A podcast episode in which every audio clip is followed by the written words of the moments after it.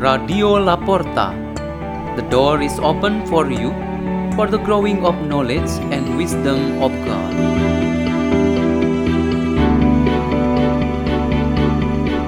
delivered by Dora Ines and Marudut from St. Peter's School in Jakarta, Indonesia.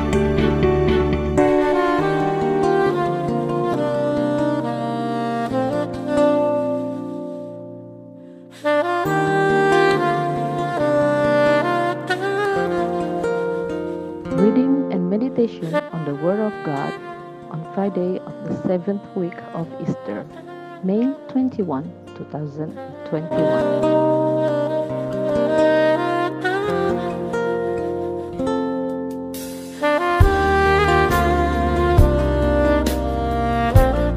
The reading is taken from the Acts of the Apostles 25, verse 13 to 21. King Agrippa and Bernice arrived in Caesarea on a visit to Festus.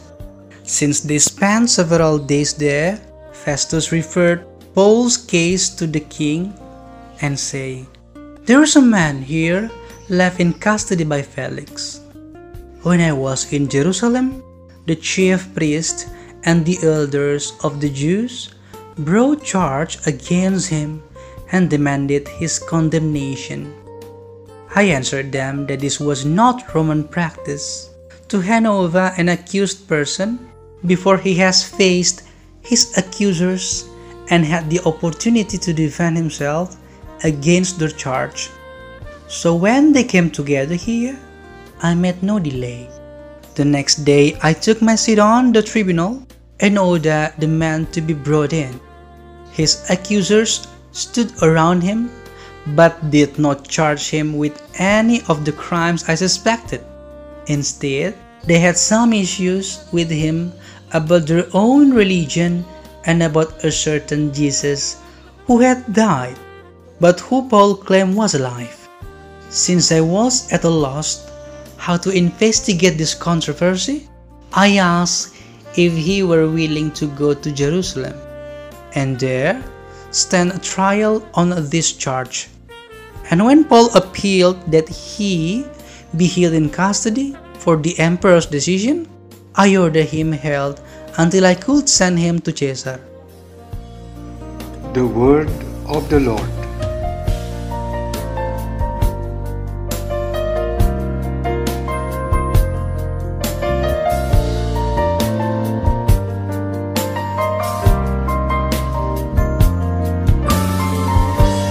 Our meditation today has the theme Our Justification from God. When we say our justification from God, we refer to the act of God that justifies and strengthens our dignity as His sons and daughters. In this way, God really wants to separate us from evil and forces of the world that tend to distance us from Him.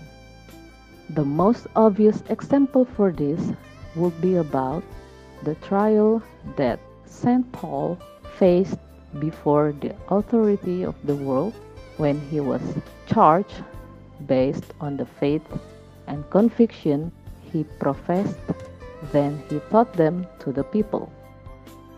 Jesus Christ had already experienced such treatment when he was brought in front of Pilate, who then led Jesus to be condemned to death. We can see here how real God's justification is when the truth of God through words and actions stands against the truth from this world with all kinds of force. The climax of this battle should be clear for us that the truth from God must dispel the truth of the world and return to its source, namely God Himself. This is perfectly made by means of dying and leaving this world in order to obtain eternal life. St. Paul's trial brings us to the imagination about the evangelization work made by the early church.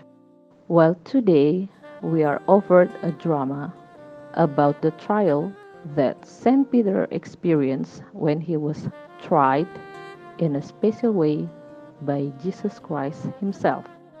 We prefer to use the word a trial made by Jesus because that is where a person is being judged before Jesus that determines if he or she is a righteous person or not. Peter was interrogated about his sincerity, faith, and commitment to follow Christ. Peter was known for speaking without thinking first. He so often misunderstood things and hit the wrong target. So he faced that trial in order to obtain the truth of his commitment, and on that basis, Jesus appointed him as the leader of the church. A justification obtained, whether by this world's civil trial and justice or by God Himself who decides upon us, must comply with one of the, its fundamental conditions, namely the objectivity.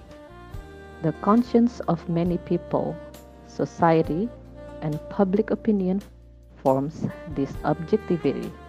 Whereas, if any justification only comes from one or two people's will, which is clearly against the conscience of many people, we must consider it to be against the truth. We should be reminded that the voice and the will of God are obtained through common opinion in the church, which is facilitated by her leaders.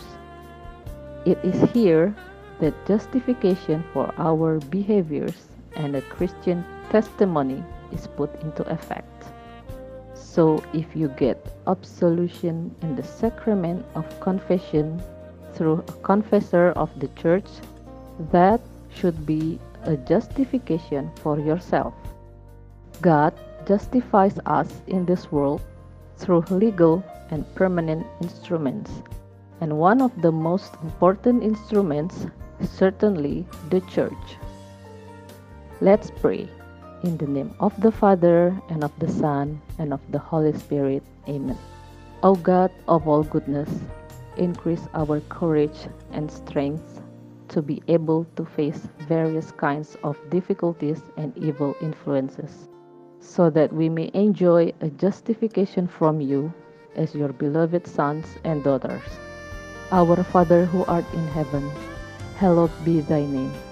Thy kingdom come Thy will be done, on earth as it is in heaven. Give us today our daily bread, and forgive us our trespasses, as we forgive those who trespass against us. Lead us not into temptation, but deliver us from evil. Amen. In the name of the Father, and of the Son, and of the Holy Spirit. Amen. Radio La Porta. The door is open for you.